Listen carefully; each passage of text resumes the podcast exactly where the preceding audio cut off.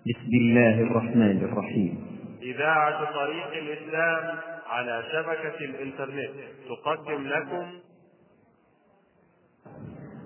صلى الله عليه بما هدانا وعلمنا وأرشدنا وسلم عليه.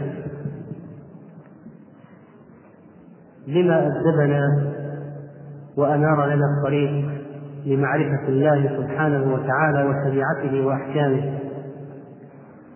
صلى الله عليه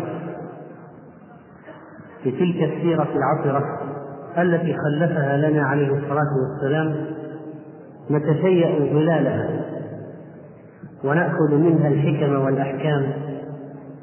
سيرة نبينا صلى الله عليه وسلم حق على المؤمنين من أتباعه معرفته معرفتها. حق معرفتها على كل مسلم. ومن سيرته صلى الله عليه وسلم هذه القصة العظيمة الجليلة ذات الفوائد الكثيرة وهي قصة الحديبية التي وقعت في عام ست من الهجرة في ذي القعدة خرج رسول الله صلى الله عليه وسلم إلى الحديبية. خرج رسول الله صلى الله عليه وسلم إلى الحديبية ومعه ألف وخمسمائة من المسلمين تقريبا. كان معهم سبعين بدنة نحروها. وقيل البدنة عن سبعة. فلعل أرجح الأقوال فيهم أنهم ألف وأربعمائة. ولما كان النبي صلى الله عليه وسلم بذو الحليفة وهو يقصد العمرة قلد هديه وأشعره وجعل العلامة عليه بربط شيء في العنق كالنعل وجرح السنام ليسيل الدم على صفحة الناقة فتعلم بأنها هدي إلى الكعبة. وأحرم صلى الله عليه وسلم بالعمرة وبعث بين يديه عين له من خزاعة يخبره عن قريش.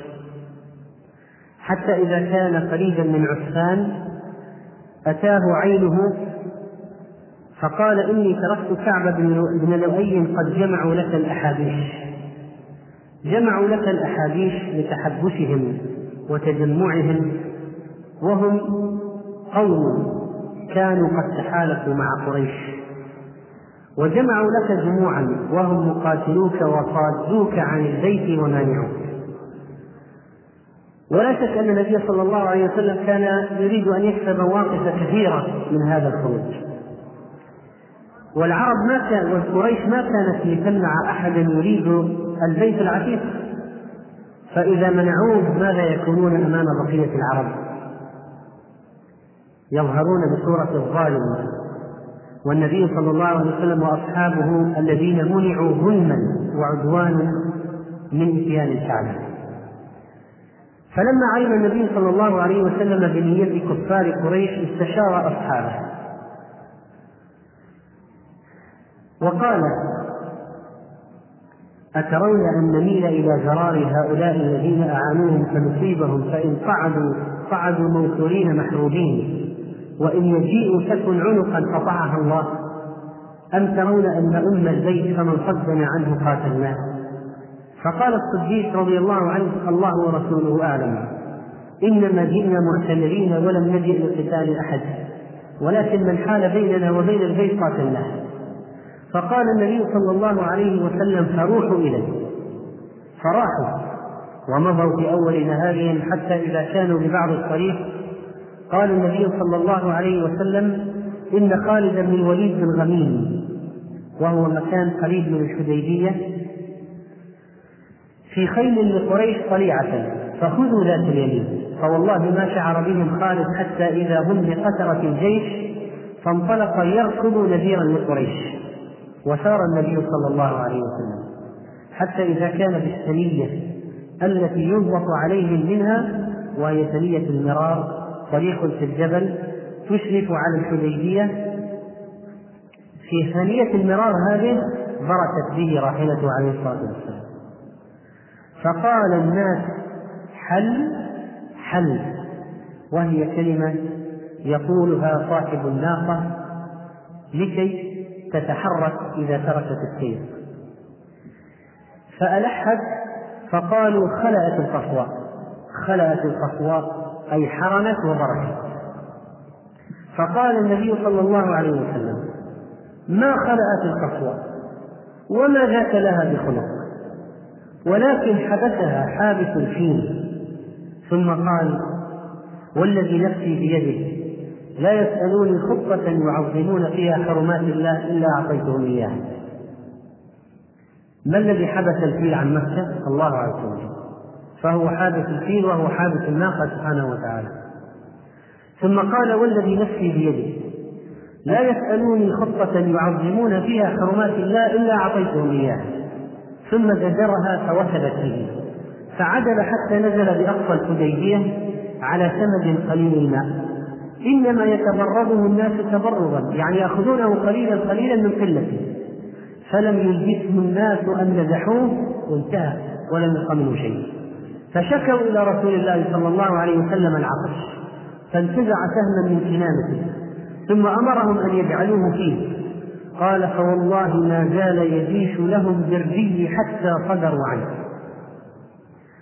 وهذه من معجزاته عليه الصلاة والسلام. كم من مرة سقي الجيش ببركته وبمعجزاته عليه الصلاة والسلام. وفزعت قريش لنزوله عليهم. فأحب رسول الله صلى الله عليه وسلم أن يبعث إليهم رجلا من أصحابه. فبعث إليهم عثمان بن عفان ليبلغهم بقصده الحقيقي وقال أخبرهم أنا لم نأتي لقتال وإنما جئنا عمارا وادعوهم إلى الإسلام. ومع ذلك دعوة للدين. وأمره أن يأتي رجالا بمكة مؤمنين ونساء مؤمنات فيدخل عليهم ويبشرهم بالفتح ويخبرهم أن الله عز وجل مظهر دينه بمكة.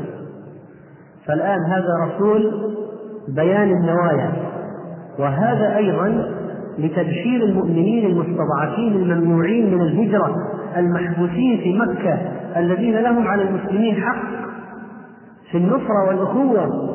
فيأتيهم الآن ليبشرهم وهم قد حدثوا عن النبي عليه الصلاة والسلام سنين ست سنين حدثوا عنه. إخوانه في الدين مأسورين في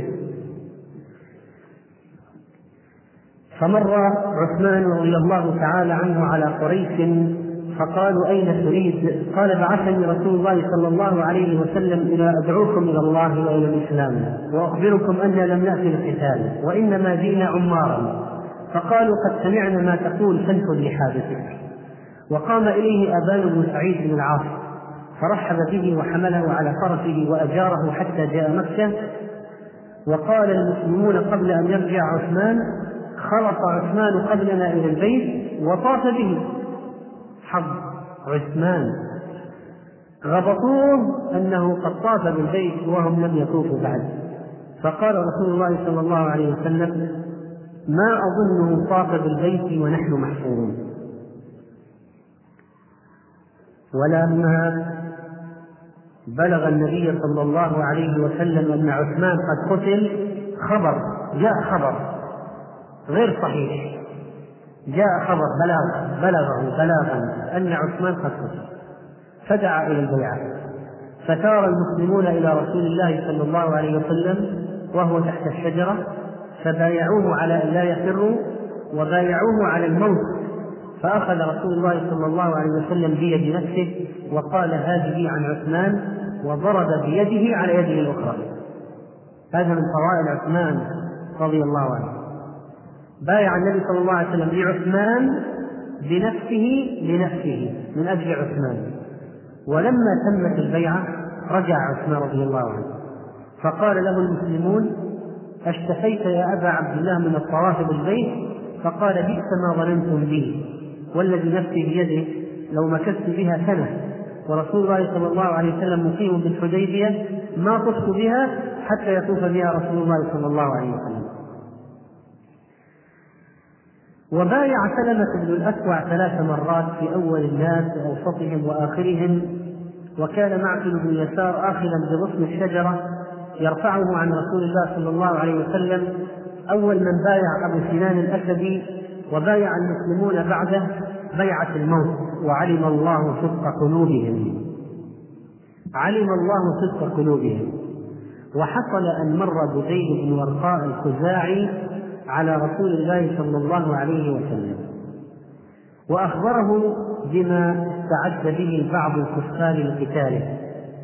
فقال له النبي عليه الصلاة والسلام إنا لم نجئ لقتال أحد ولكن جئنا معتمرين وإن قريشا قد نهكتهم الحرب وأضرت بهم فإن شاءوا مازدتهم ويخل بيني وبين الناس. هذا عرض. إن شاءوا أن يتركوني وشأني وأنا أعقد معهم هدنة ويخل بيني وبين بقية العرب. قال بزيد سأبلغهم ما تقول. وانطلق حتى أتى قريشا. فقال إني قد جئتكم من عند هذا الرجل وقد سمعته يقول قولا فإن شئتم عرضت علي عرضته عليكم. فقال سفهاؤهم لا حاجة لنا أن تحدثنا عنه بشيء وقال ذو الرأي منهم هات ما سمعته. قال سمعته يقول كذا وكذا. فحدثهم بما قال النبي صلى الله عليه وسلم. فقال عروة بن مسعود الثقفي إن هذا قد عرض عليكم خطة رشد فاقبلوها ودعوني آته فقالوا ائته فأتاه فجعل يكلمه. فقال له النبي صلى الله عليه وسلم نحوا من قوله لبديل فقال عروة أرأيت لو استأصلت قومك؟ هل سمعت بأحد من العرب اجتاح أهله قبلك؟ وإن تكن الأخرى أي إذا هم الذين كانوا سينتصرون فوالله إني لأرى وجوها وأرى أوشابا من الناس خليقا أن يفروا ويدعوك. يقصد أصحاب النبي عليه الصلاة والسلام. فقال له أبو بكر رضي الله عنه انصت بظر اللات اسم العورة الأنثى. وهذا فيه تحقير بالغ لآلهة قريش. انصت بظر اللات أنحن نفر عنه وندعه قال من ذا؟ قال أبو بكر. قال أما والذي نفسي بيده لولا يد كانت لك عندي لم أجزك بها لأجبتك لولا أنك أحسنت إليه من قبل في معروف وأنا ما جزيتك بهذا المعروف لكان رددت عليك الآن. وجعل يكلم النبي صلى الله عليه وسلم. كلما كلمه أخذ بلحيته. والمغيرة بن شعبة عند رأس النبي عليه الصلاة والسلام ومعه السيف. وعليه المنقر فكلما أهوى عروة إلى لحية النبي صلى الله عليه وسلم ضرب يده بنعل السيف وقال أخر يدك عن لحية رسول الله صلى الله عليه وسلم. فرفع عروة رأسه وقال من ذا؟ قال المغيرة بن شعبة. قال أي غدر أولست أسعى في غدرتك وكان المغيرة صار له موقف قتل أناسا في الجاهلية وقام عروة ليفدي عنه ثم إن عروة جعل يرمق أصحاب النبي صلى الله عليه وسلم بعينيه. فوالله ما تنخم النبي صلى الله عليه وسلم نخامة إلا وقعت في كف رجل منهم فدلك بها جلده ووجهه. وإذا أمرهم ابتدروا أمره. وإذا توضأ كادوا يقتتلون على وضوئه. وإذا تكلم خفضوا أصواتهم عنده. وما يحدون إليه النظر تعظيما له. فرجع عروة إلى أصحابه فقال أي قوم والله لقد وفدت على الملوك على كسرى وقيصر والنجاشي. والله ما رأيت ملكا يعظمه أصحابه ما يعظم أصحاب محمد محمدا. والله إن تنخم نخامة إلا وقعت في كف رجل منهم. فدلك بها وجهه وجلده وإذا أمره ابتدأوا أمره. وإذا توضأ كانوا يختتمون على وجوده وإذا تكلم خفضوا أصواتهم عنده. وما يحدون إليه النظر تعظيما له. وقد عرض عليكم خطة رشد فاقبلوها. فقال رجل من بني كنانة دعوني آتيه فقالوا ائتيه فلما أشرف على النبي صلى الله عليه وسلم وأصحابه قال رسول الله صلى الله عليه وسلم هذا فلان وهم من قوم يعظمون البدن. فابعثوها له. هذا واحد من الكفار يؤثر فيه جدا أن يرى الهدي متوجه للكعبة. فالنبي عليه الصلاة والسلام استغل هذه النقطة وقال هذا من قوم يعظمون الهدي البدن. فابعثوها له. فبعثوا البدن المعلمة على أنها هدي الكعبة في وجه هذا الرجل الذي جاءهم من كفار. واستقبله القوم يعني المسلمون يلبون. فلما رأى ذلك قال سبحان الله ما ينبغي لهؤلاء أن يصدوا عن زيد فرجع إلى أصحابه فقال رأيت البدن قد قلدت وأشعرت وما أرى أن يصدوا عن البيت. فقال مكرز بن حق واحد آخر من المشركين دعوني آتي. فقالوا فيه. فلما أشرف عليهم قال النبي صلى الله عليه وسلم هذا مكرز بن حق وهو رجل فاجر. فجعل يكلم رسول الله صلى الله عليه وسلم فبينما هو يكلمه إذ جاءه سهيل بن عمرو رجل آخر من المشركين. فقال النبي صلى الله عليه وسلم قد سهل لكم من أمركم. أخذها من أين؟ من اسمه تفاؤلا اسمه سهيل. قال سهل لكم من أمركم. فقال هات هات ما عندك. اكتب بيننا وبينكم كتابا. اتفقوا على أن يكتبوا هدنة في كتاب فدعا الكافر فقال النبي عليه الصلاة والسلام وهو يملي اكتب بسم الله الرحمن الرحيم. فقال سهيل أما الرحمن فوالله ما ندري ما هو. وإذا قيل لهم اسجدوا للرحمن. قالوا وما الرحمن؟ فقال سهيل أما الرحمن فوالله ما ندري ما هو ولكن اكتب باسمك اللهم كما كنت تكتب. فقال المسلمون والله لا نكتبها إلا بسم الله الرحمن الرحيم. فقال النبي صلى الله عليه وسلم اكتب باسمك اللهم. ثم قال اكتب. هذا ما قاضى عليه محمد رسول الله. فقال سهيل فوالله لو كنا نعلم أنك رسول الله ما صدقناك عن البيت. ولا قاتلناك ولكن اكتب محمد بن عبد الله. فقال النبي صلى الله عليه وسلم إني رسول الله وإن كذبتموني. اكتب محمد بن عبد الله. فقال النبي صلى الله عليه وسلم هذا هذا ما قام عليه محمد رسول الله محمد بن عبد الله على أن تخلوا بيننا وبين البيت فنطوف به فقال سهيل والله لا نتحدث لا تتحدث العرب أن أخذنا ضغطة. أننا أخذنا بقوة وأنك جئت بجيشك وستدخل مكة رغما عنك. لا ليس هذه السنة. ولكن ذلك من العام المقبل. نحن نخلي بينك وبين البيت العام المقبل. الآن المسلمون مع النبي صلى الله عليه وسلم كل فقرة من الفقرات هذه ترتفع درجة الحرارة ويزداد غليانا فكتب العام المقبل. فأضاف سهيل الآن شرطا من عنده. قال على أن لا يأتيك منا رجل وإن كان على دينك إلا رددته إلينا. لو هرب واحد من عندنا ولو مسلم يريدك ترد إلينا. فقال المسلمون سبحان الله كيف يرد إلى المشركين وقد جاء مسلما؟ فبينما هم كذلك إذ جاء أبو جندل ابن سهيل ابن عمرو يرصف في قيوده مسلم أبوه كافر مسلم هرب من مكة وبالقيد لم يستطع أن يفك القيد.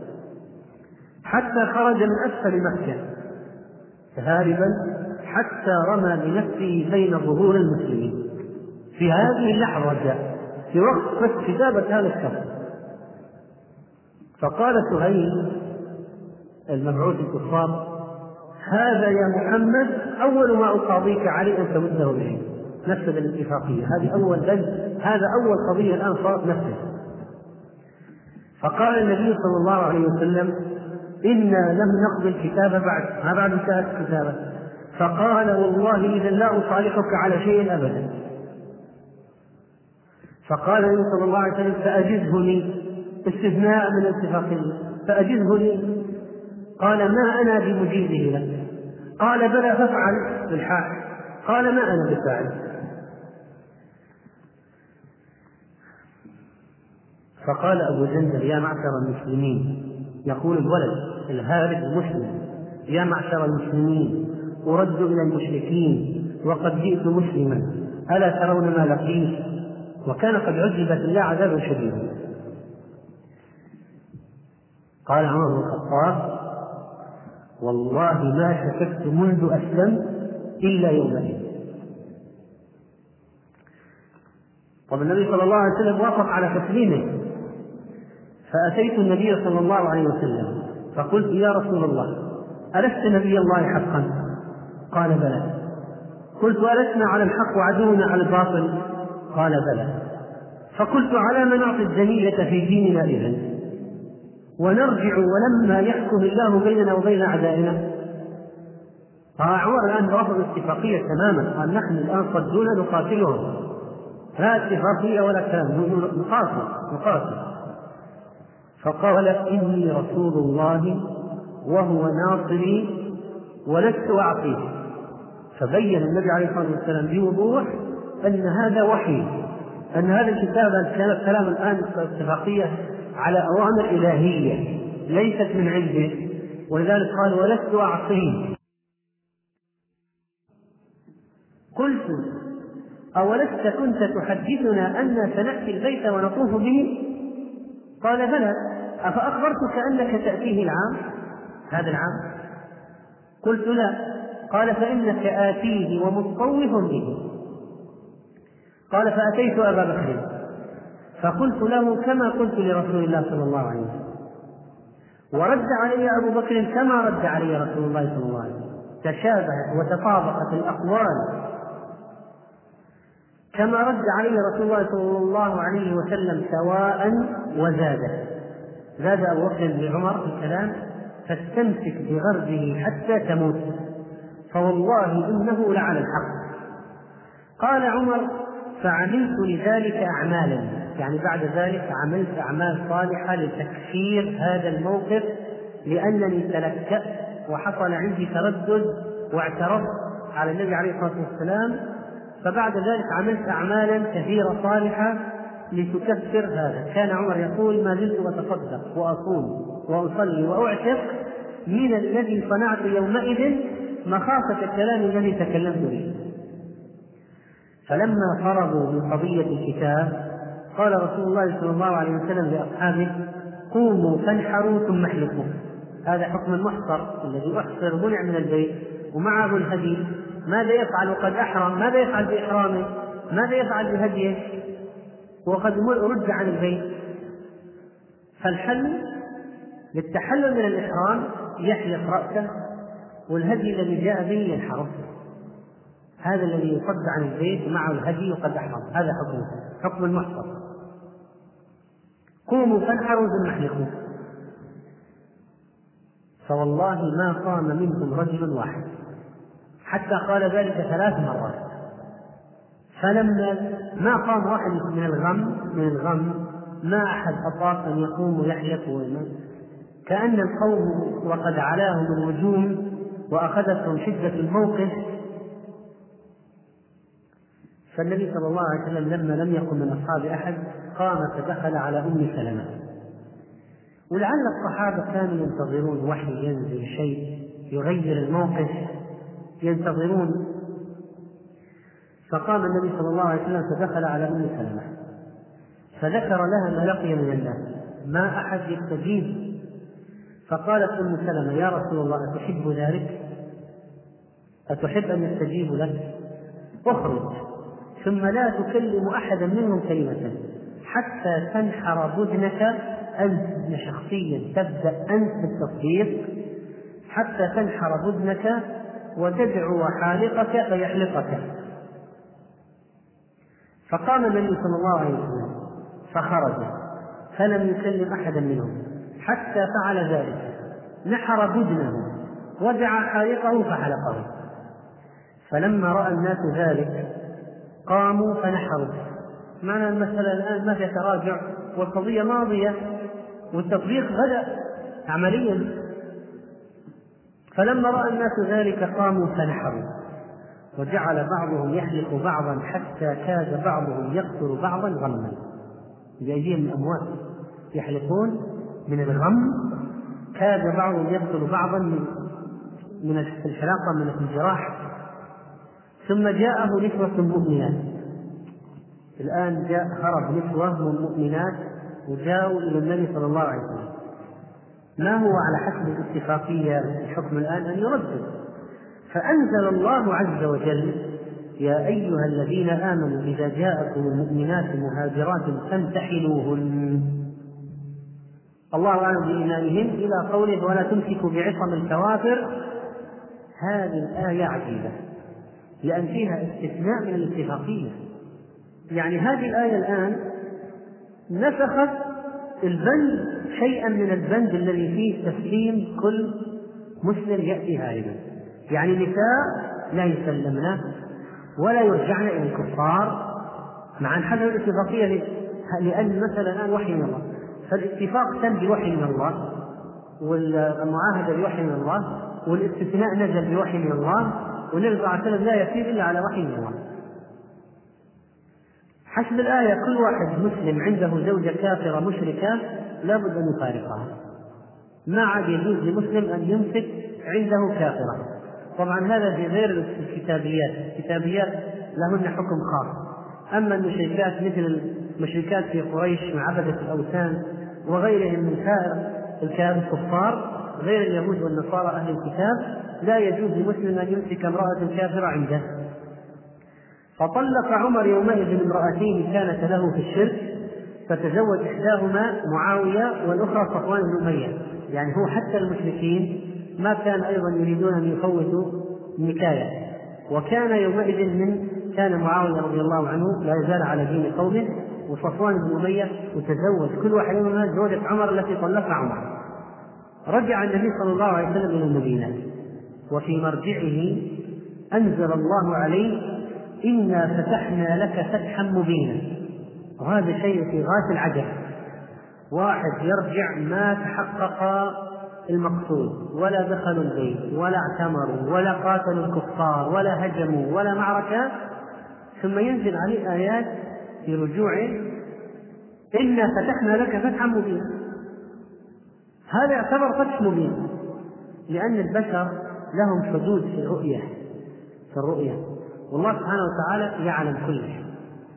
فالله يعلم أن هذا الاتفاقية هذه فتح مبين. وسيترتب عليها من دخول الناس في أفواجا وأضعاف مضاعفة. نتيجة الهدنة يعلم الله عز وجل أن هذا سيكون فيها خير عظيم للإسلام والمسلمين. وسمى الله هذا الصلح الحديبية الذي رآه المسلمون في غير مصلحتهم ولا يعطيهم حتى حقوق متساوية مع الكفار. رأوه في غير مصلحتهم الله عز وجل عده فتحا مبينا. لأن المسألة كلها من بالعناية الإلهية والعلم الإلهي والقدرة الإلهية والله على كل شيء قدير يعلم عواقب الأمور ومآلاتها سبحانه وتعالى. إنا فتحنا لك فتحا مبينا ليغفر لك الله ما تقدم من ذنبك وما تأخر ويتم نعمته عليك ويهديك صراطا مستقيما وينصرك الله نصرا عزيزا. فقال عمر أو فتح هو يا رسول الله؟ قال نعم. فقال الصحابة هنيئا لك يا رسول الله لأن نزل عليه ليغفر لك الله. ما تقدم من ذنبك وما تأخر. طبعا ماذا بقي؟ ماذا بقي أعظم من هذه البشارة؟ قال الصحابة هنيئا لك يا رسول الله فما لنا نحن؟ فأنزل الله عز وجل هو الذي أنزل السكينة في قلوب المؤمنين ليزدادوا إيمانا مع إيمانهم. ولله جنود السماوات والأرض. آية. لما رجع المسلمون إلى المدينة ما انتهى مسلسل الفتنة؟ ما زال الامتحان والابتلاء ساري المفعول. لما رجعوا إلى المدينة جاءه أبو بصير رجل من قريش مسلما. حسب الاتفاقية ما هو مقتضاها؟ أن يرد. فأرسل الكفار في قلب أبي بصير رجلين وقالوا للنبي عليه الصلاة والسلام العهد الذي جعلت لنا. الاتفاق. سلمنا سلمنا أبا بصير. فدفعه إلى الرجلين هذا الاتفاق. أوفوا بالعقود فخرج به حتى بلغ للحليفة. يقودان أسيرهم المسلم فنزلوا يأكلون من تمر لهم. فقال أبو بصير لأحد الرجلين والله إني لأرى كيفك هذا جيد. فاستله الآخر فقال أجل والله إنه لجيد. لقد جربت به ثم جربت. فقال أبو بصير أرني أنظر إليه. فانكاف انخدع وطمس الله بصيرته. فأمكنه أعطاه السيف ما دام بالإعجاب الكافر الآن يختال ويلهو في هذا بهذا السيف. فاستجاب للطلب في غمرة الإعجاب والاغتيال فأمكنه منه فضربه به حتى برد المسلم ضرب الكافر بالسيف حتى برد وفر الآخر يعدو حتى دخل المدينة. يعني هي إليه دخل المدينة فدخل المسجد فقال رسول الله صلى الله عليه وسلم حين رآه لقد رأى هذا جعرا هذا هذا رجل مرعوب. فلما انتهى إلى النبي صلى الله عليه وسلم المشرك هذا قال قتل والله صاحبي وإني لمقتول. فجاء أبو بصير فقال يا نبي الله قد أوفى الله ذمتك قد والله أوفى الله ذمتك. أنت حسب الاتفاق. سلمت وانتهيت. قد رددتني إليهم فأنجاني الله منهم. فقال النبي صلى الله عليه وسلم ويل أمه مسعر حرب لو كان له أحد. هذه عبارة لها مدلولات كبيرة. كأنه عليه الصلاة والسلام يتمنى الآن أن هذا الرجل يكون له أعوان. فلما سمع ذلك من هو؟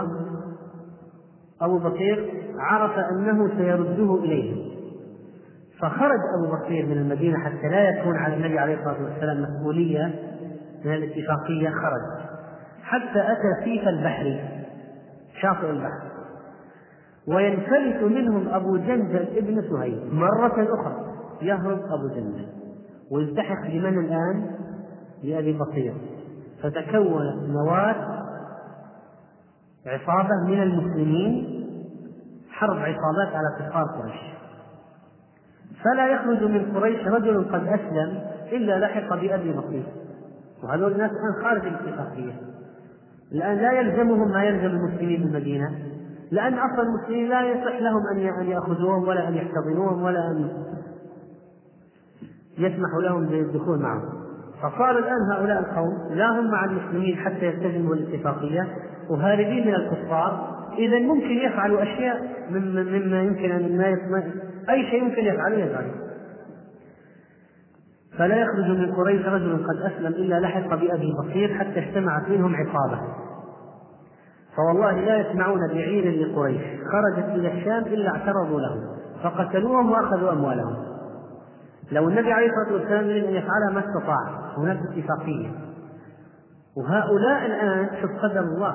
القدر قدر الله عز وجل الذي قدر الآن هو الذي قدر الاتفاقية وأمر بها؟ وحي من الله.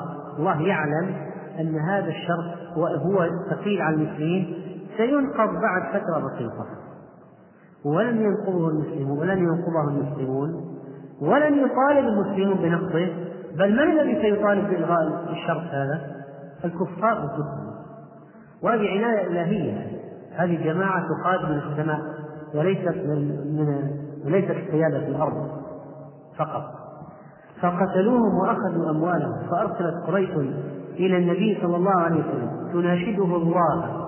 والرحم لما أرسل إليهم إلى هؤلاء المسلمين فمن أتاه منهم فهو آمن. خذهم وهم على أمان. فأنزل الله عز وجل وهو الذي كف أيديهم عنكم وأيديكم عنهم ببطن مكة من بعد أن أظهركم عليهم حتى بلغ حمية الجاهلية جعل كفروا في قلوبهم حمية حمية الجاهلية وشرطوا الشروط التي ما كانت في مصلحتهم على الإطلاق. وكانت حميتهم أنهم لم يقروا أنه نبي الله ولم يقروا ببسم الله الرحمن الرحيم. وحالوا بينهم وبين وبين الدين. هذه القصة التي حصلت في الحديبية. وحصل معها مواقف أخرى مثل مزيد من المعجزات النبي عليه الصلاة والسلام مثل فوران الماء بين أصابعه غير الفوران الأول. وكذلك لما نزل المطر في الطريق وقال بعض الناس مطرنا بنوء كذا وكذا وقال النبي عليه الصلاة والسلام يقول الله تعالى أصبح من عبادي مؤمن بي وكافر فأما من قال مطرنا بفضل الله ورحمته فذلك مؤمن بي وكافر بالكوكب وأما من قال مطرنا بنوء كذا وكذا فذلك مؤمن فذلك كافر بي مؤمن بالكوكب ماذا يستفاد من هذه القصة؟ يستفاد منها فوائد كثيرة جدا. فهلم إلى استعراض بعض هذه الفوائد؟ اولا أن الإحرام بالعمرة من الميقات هو الذي يجب أن يفعل وهذا ما فعله صلى الله عليه وسلم. وأن سوق الهدي مسنون في العمرة المفردة. يعني لو واحد قال لك الهدي خاص بالحج تقول له لا. حتى لو واحد يريد أن يعتمر عمرة مفردة ممكن يسوق الهدي إلى مكة. وهذا أمر قليل من يفعله من الناس وثالثا أن إشعار الهدي سنة. قد يقول بعض الناس ولماذا الجرح وهذا فيه عذاب للحيوان؟ للحيوان. فنقول إشعار الهدي فيه مصلحة. تعظيم بيت الله وتمييز هذا الجمل أو البعير أو الناقة أو إلى آخره بحيث يعرف أنه للبيت هدي. لا يباع ولا يشترى واذا ضاع يعرف إلى من إلى من يرد. فهذا في مصلحة كبيرة. فكونه تحصل مفسده لجرح منطقة البعير في السنام لا يحصل له بها كبير ألم. لأن في منطقة شحوم في السنام لكي يسير الدم على شيء من الدم على صفحة البعير مصلحة أكثر مفسدة بكثير وكذلك في هذا الحديث استحباب مغايظة أعداء الله تعالى. لماذا؟ لأنه كان في جملة الهدي الذي ساقه النبي صلى الله عليه وسلم جمل لأبي جهل. كان قد أخذ في معركة بدر جعله الآن هدي إلى الكعبة لإغاظة المشركين. والله عز وجل قال عن الصحابة ليغيظ بهم الكفار. محمد رسول الله والذين معه محمد رسول الله والذين معه ليغيظ بهم الكفار. ولا يطعون موطئا يغيظ الكفار ولا ينالون من عدو ليلا الا كتب لهم به عمل صالح. اذا إغاظة الكفار هذه عبادة. يعني لو أتيت بصليب لهم فاهنته واغضت الكافر بأهانة صليبه عبادة. أي شيء من اغاظه الكفار لا يؤدي إلى مفسده أكبر عبادة. ومنها أن أمير الجيش ينبغي له أن يبعث العيون أمامه نحو العدو وأنه يستشير أصحابه استطابة لنفوسهم وأمنا من عتبهم وتعليما لهم. وكذلك في هذا الحديث رد الكلام الباطل. فإن بعض الصحابة لما قالوا حرمت وألحت خلأت القصواء النبي صلى الله عليه وسلم دافع عنها مع أنها حيوان ودافع عنها لأن هذا كلام باطل حتى لو في حق حيوان وبهيمة يرد. وكذلك في هذا الحديث أن المشركين هذه فائدة فقهية عن دقيقة فيها دقة أن المشركين وأهل البدع والفجور والبغاة والظلمة إذا طلبوا أمرا يعظمون فيه حرمة من حرمات الله تعالى أجيبوا إليه وأعطوه وأعينوا عليه وإن منعوا غيره. يعني لو جاء واحد كافر وقال أنا أريد أن أعمل شيء فيه أقيم فيه شريعة للدين عندكم وأنا أعمل شيء فيه تعظيم من حرمات الله فإنه يمكن من ذلك. ولا يقال أنت كافر لا نريد منك شيء بدال فإذا المشركين وأهل البدع والفجور والبغاة والظلمة إذا طلبوا أمرا يعظمون فيه حرمات من حرمات الله تعالى أجيبوا إليه وأعطوه ولو أن كافرا أمر بشيء فيه تعظيم حرمات الله يعطى حتى يبين له أنك لما لما أمر أو طلبت شيء في مصلحة للدين نحن تابعناك وأعطيناك هذا. وكذلك في هذا الحديث أن أن أن النبي صلى الله عليه وسلم أن النبي صلى الله عليه وسلم قد تفاءل وعلم أصحابه التفاؤل لما قال سهل لكم سهل أمركم. وأن التفاؤل بالأسماء مسنون ومشروع. ولو أن واحد مثلا خارج إلى سفر فسمع واحد ينادي الآخر يا راشد والرشد شيء طيب. أو يقول يا نجيح. نجيح اسم من الأسماء. يتضمن. فأخذ منه معنى النجاح. أخذ منه معنى النجاح. أو مثلا هو خارج إلى غزو سمع واحد ينادي يا منتصر. اسم. فيه معنى النصر فيه, فيه النصر فتفاءل وقال هذا إن شاء الله هذا فأل لنا بالانتصار سمع أي اسم حسن أخذ منه شيء لو أن تاجر حتى في الأمور الدنيوية. هو خارج إلى التجارة أو شيء سمع مثلا يا رابح واحد اسمه رابح مثلا. فتفاءل من وراء ذلك أنه سيربح في هذه الصفقة. فإن هذا التفاؤل مشروع. ولذلك النبي عليه الصلاة والسلام أوصى بتحسين الأسماء. لماذا؟ لأن تحسين الأسماء يعطيك فرصة التفاؤل بها. لكن لو كانت الأسماء غير حسنة فبالعكس يمكن تكون مجال للتشاؤم. مجال للتشاؤم. وتفتح مجال لضعاف النفوس بالتشاؤم. ولذلك ضعاف النفوس الآن يتشاءمون مثلا لو رأى رجل راح في الصباح يفتح الدكان رأى رجل أعور في الطريق هذه أولها رجعنا. ولا يفتح الدكان في ذلك اليوم وبعضهم يتشائم بحماته وبعضهم يتشائم برقم 13 وبعضهم يتشائم يعني يتشائمون بأشياء عجيبة وغريبة. وفي هذا الحديث كذلك من الفوائد الكبيرة أن التصريح باسم العورة إذا كان فيه مصلحة تقتضيها الحال فلا بأس به مع أنه في الأصل كلمة قبيحة جدا لكن لما كانت لإغاظة الكفار وسب آلهتهم سمح له ذلك ومثل هذا لما النبي صلى الله عليه وسلم أمر أي واحد إذا سمعتم شخص إذا سمع شخصا يفتخر بأبيه ويفتخر ب يعني الدعوة الجاهلية نحن من فلان وفلانة قال أعدوه بهن أبيه ولا تكنوا. فإذا بدون كناية الهن هو الذكر فرد الهن في لغة العرب من الأسماء الخمسة أو أضيف لها يضاف هذا السادس هذا الهن كلمة قبيحة أصلا لأنها اسم عورة اسم العورة. لكن قال عليه الصلاة والسلام إذا سمعتم واحد يفتخر بآبائه قل اعبد كذا أبيك بدون ما توري.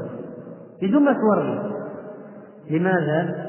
لأن الآن مصلحة الإنكار على هذه الدعوة الجاهلية القبيحة جدا أكبر من مسألة ذكر اسم العورة في هذا الموضع في هذا الموضع. وإلا بقية المواضع كلها في غاية العفاف. وإذا راجعنا مثلا الآيات والأحاديث فأتوا حرثكم أن شئتم. نساؤكم حرث لكم. أو لامستم النساء. أو جاء أحد منكم من الغائط ما عبر بكلمة فاحشة في ذكر البراز وإنما قال من الغائط والغائط هو المكان المنخفض لأن الواحد إذا أراد يقضي حاجة نزل في مكان منخفض فبغاية الأدب قال أو جاء أحد منكم من الغائط إذا أتى أحدكم أهله فليقل بسم الله مع أنه كلمة أتى يأتي الإتيان تستعمل في المجيء والأتى لكن هنا عبر بها عن الجماع أتى بلفظ مؤدب مهذب لطيف ما في خدش في الحياة ولا في شيء من قلة الأدب.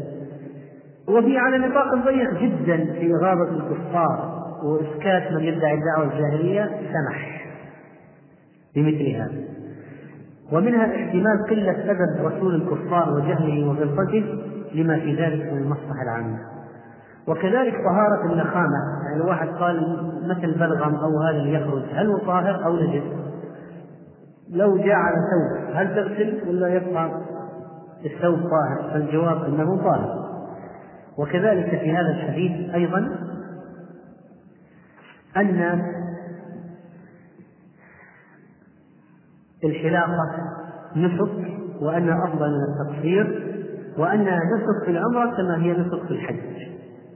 وأن المحصر ينحر هديه حيث أحصر سواء كان في الحل أو في الحرم يعني إذا حبس قبل مكة بخمس كيلومترات.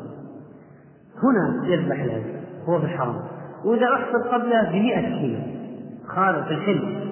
وهنا كذلك يذبح الهدي. وكذلك في هذا الحديث أن المحصر لا يجب عليه القضاء ما دام أحصر ينحر يحلق وليس عليه. غير هذا ليس عليه. وكذلك في هذا الحديث فضل أم سلمة رضي الله عنها ورجاحة عقلها لما أشارت برأي فيه خير المسلمين. وأدركت أم سلمة أن الفعل أقوى من القول في هذا الموضع وأنه لو فعل سيقتدون به. الفعل هنا أقوى من القول. أقوى من يحلقوا إذا هو حلق أمامهم لا مجال إلا فعل والاقتداء. ولذلك اقترحت عليه هذا الاقتراح المبارك. فهذا فيه دليل على أن بعض النساء عندهن من رجاحة العقل والآراء المفيدة جدا ما يؤخذ به فينفع.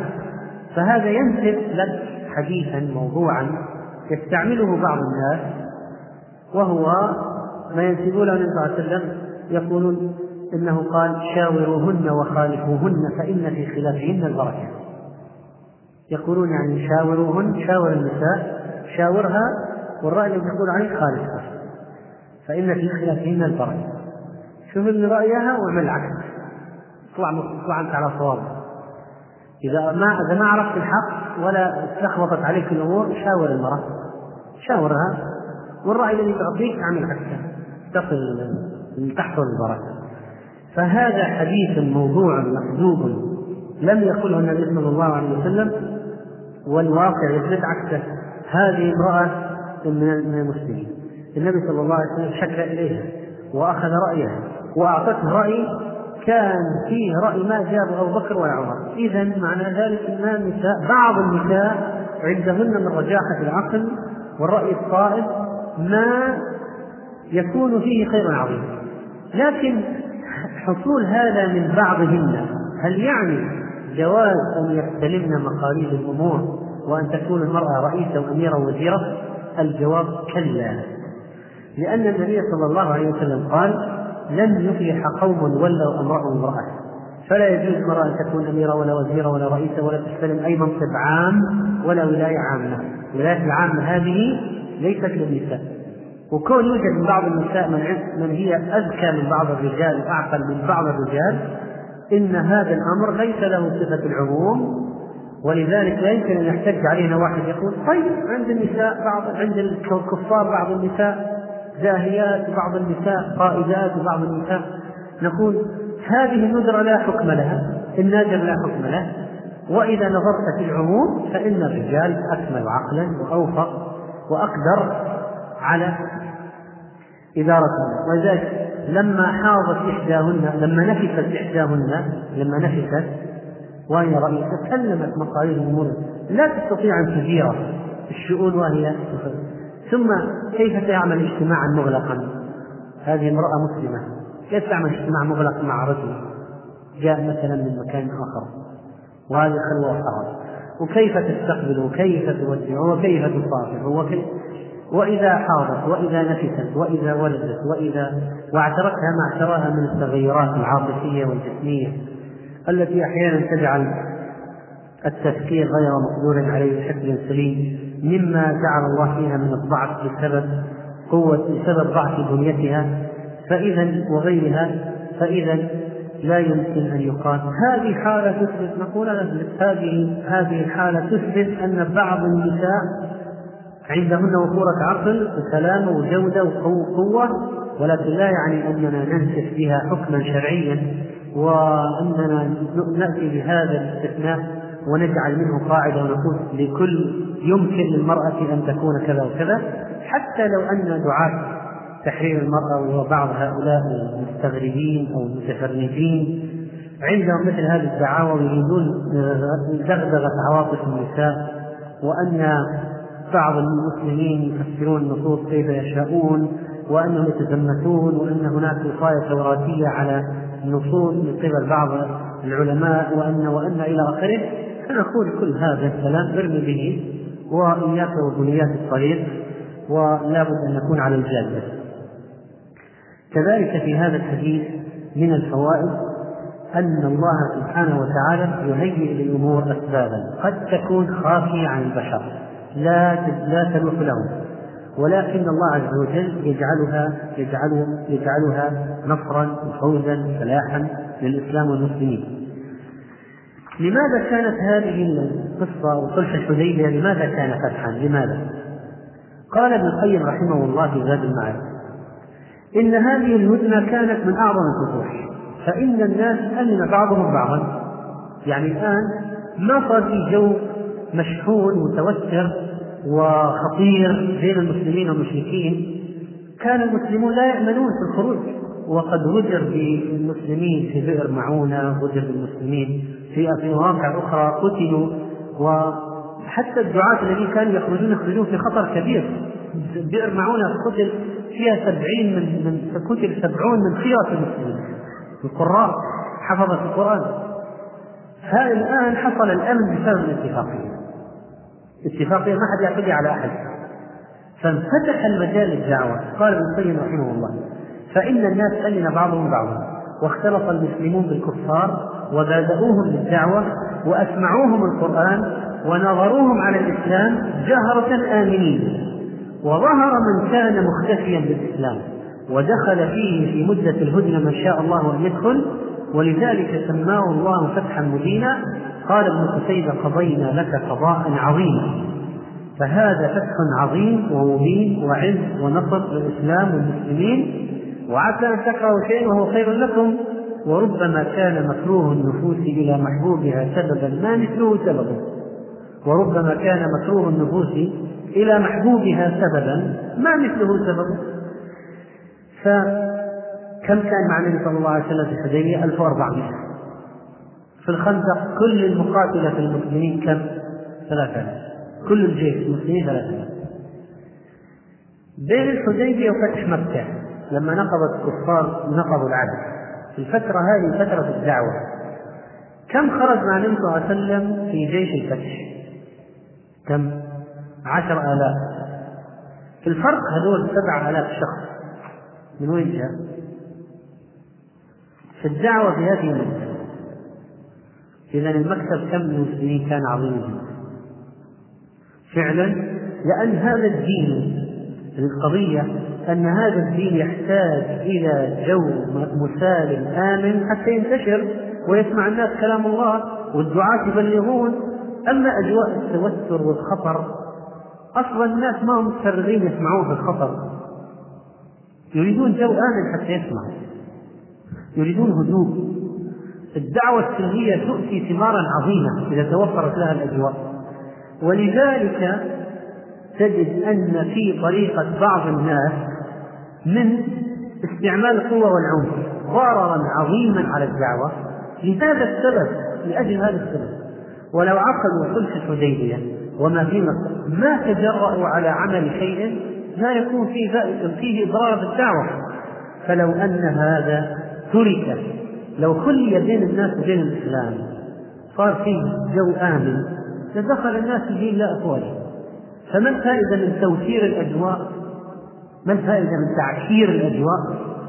إذا كانت الدعوة يمكن أن هناك دعاة هناك من يعمل الدين ويقوم يبلغ ما الفائدة من توفير الأجواء؟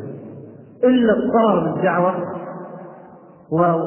وبلوغها إلى الناس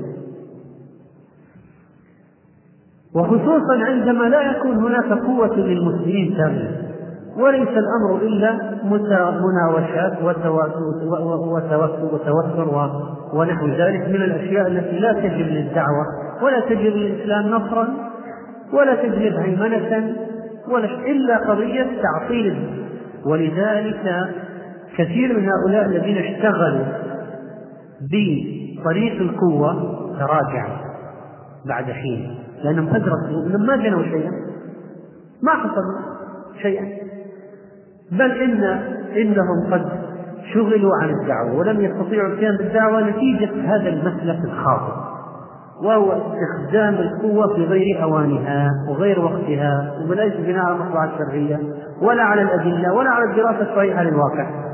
وهذه الحقيقة فيه هذه فائدة عظيمة جدا جدا تؤخذ من صلح الحديبية الذي جعل الله فيه للإسلام عزا وانعكس الأمر على كفار قريش وانقلب الذل إلى حق إلى عزة وانقلبت الكسرة عزا لله وظهرت حكمة الله وآياته وتصديق وعده ونصرة رسوله على أتم الوجوه وأكملها.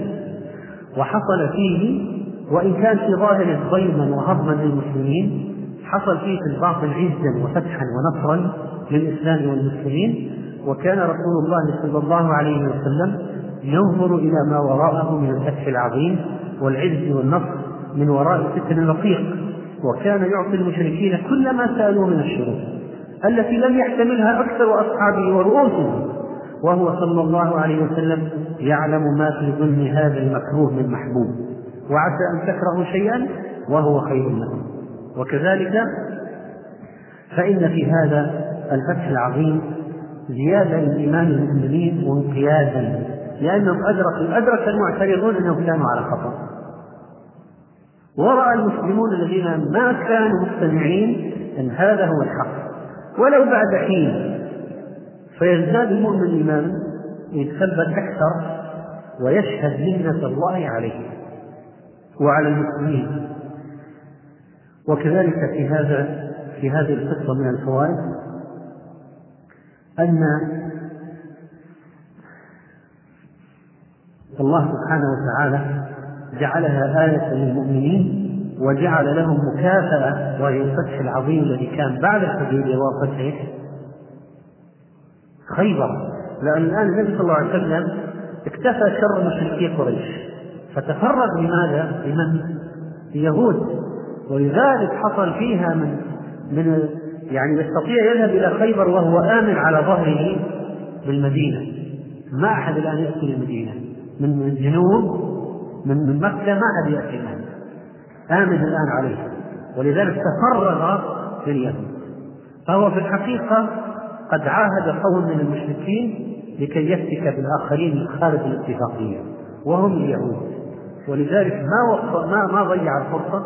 سرعان ما اقتنصها وجعل الله تعالى للمسلمين بدل من مغانم حديبية التي كانوا يتوقعونها جعل لهم مغانم أكثر في خيبر الغنية بزرعها وذهبها واليهود جماع جماعين المال.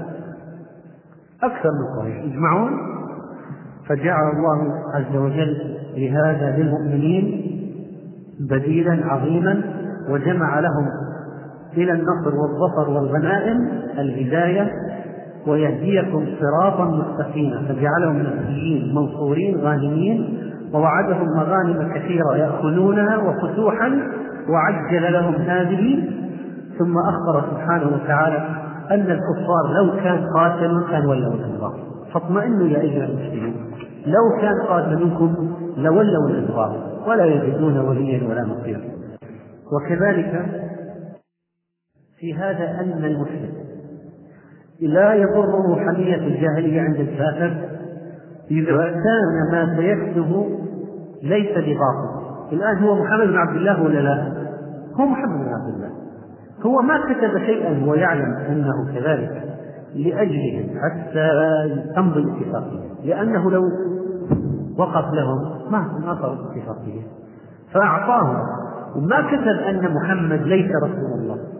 ما كتب ليس محمد ليس رسول الله. وأنه كتب محمد بن عبد الله بدل محمد رسول الله. وعبارة باسمك اللهم حق ولا باطل؟ حق. فهو تنازل لهم عن شيء لكن لم يكن كتابة باطل. ما وصف القضية لكتابة باطل؟ وإنما أشياء من الحق ما كتبت. لكن الذي كتب هو حق. هذه القضية. وكذلك فيه تصديق الله لرؤى المؤمنين. لقد صدق الله رسوله رؤيا بالحق. لتدخلن المسجد الحرام إن شاء الله آمنين محلقين رؤوسكم فعلم فآن جعله الله سبحانه وتعالى شيئا يقينا وأنه سيكون ولا بد ولكن تأخير سنة بس تأخير سنة. وحصل وإلا هو حصل. والله سبحانه وتعالى عالم أنه سيحصل فوفقهم إلى ذلك. في هذا الحديث أيضا من الفوائد على عجالة أن المسلمين عظموا النبي عليه الصلاة والسلام تعظيما أثر في الكفار. تعظيما أثر في الكفار. إن هذا الرجل من قوم معينين عنده خلفية عنهم أنهم يعظمون الهدي فبعثوا الهدي في وجهه. معرفة الكفار أصناف الكفار وأنواعهم ومعتقداتهم يفيد كثيرا في دعوتهم فعندنا الآن مثلا النصارى طوائف منهم مثلا طائفة مثلا المورمن. المورمن يختلفون مثلا عن بقية النصارى في أشياء وعندهم تعاليم وأشياء ولا يشربون الكحول ولا يدخنون ويؤمنون بتعدد الزوجات وبعض الأشياء التي عند هؤلاء. معرفة الفروق بين بين ويؤمنون بوحدانية ولكنهم طبعا كفار مشركون لا يؤمنون بالنبي صلى الله عليه وسلم ويؤمنون أن هناك نبي بعد عيسى جاء مصححا للكنيسة وانحرافات الكنيسة وعنده كتاب فيه تصحيحات. فطبعا هذا كفر بحد ذاته على أي حال.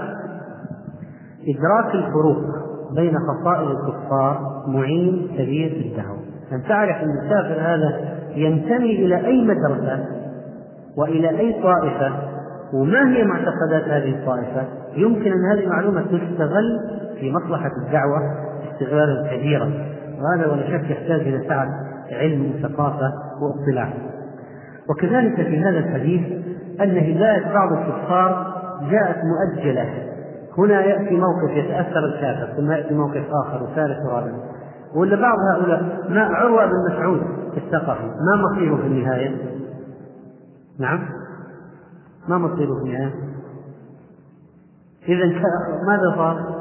مسلما طيب وغيره وغيره من الكفار الذين كان دخلوا مع المسلمين في المواجهات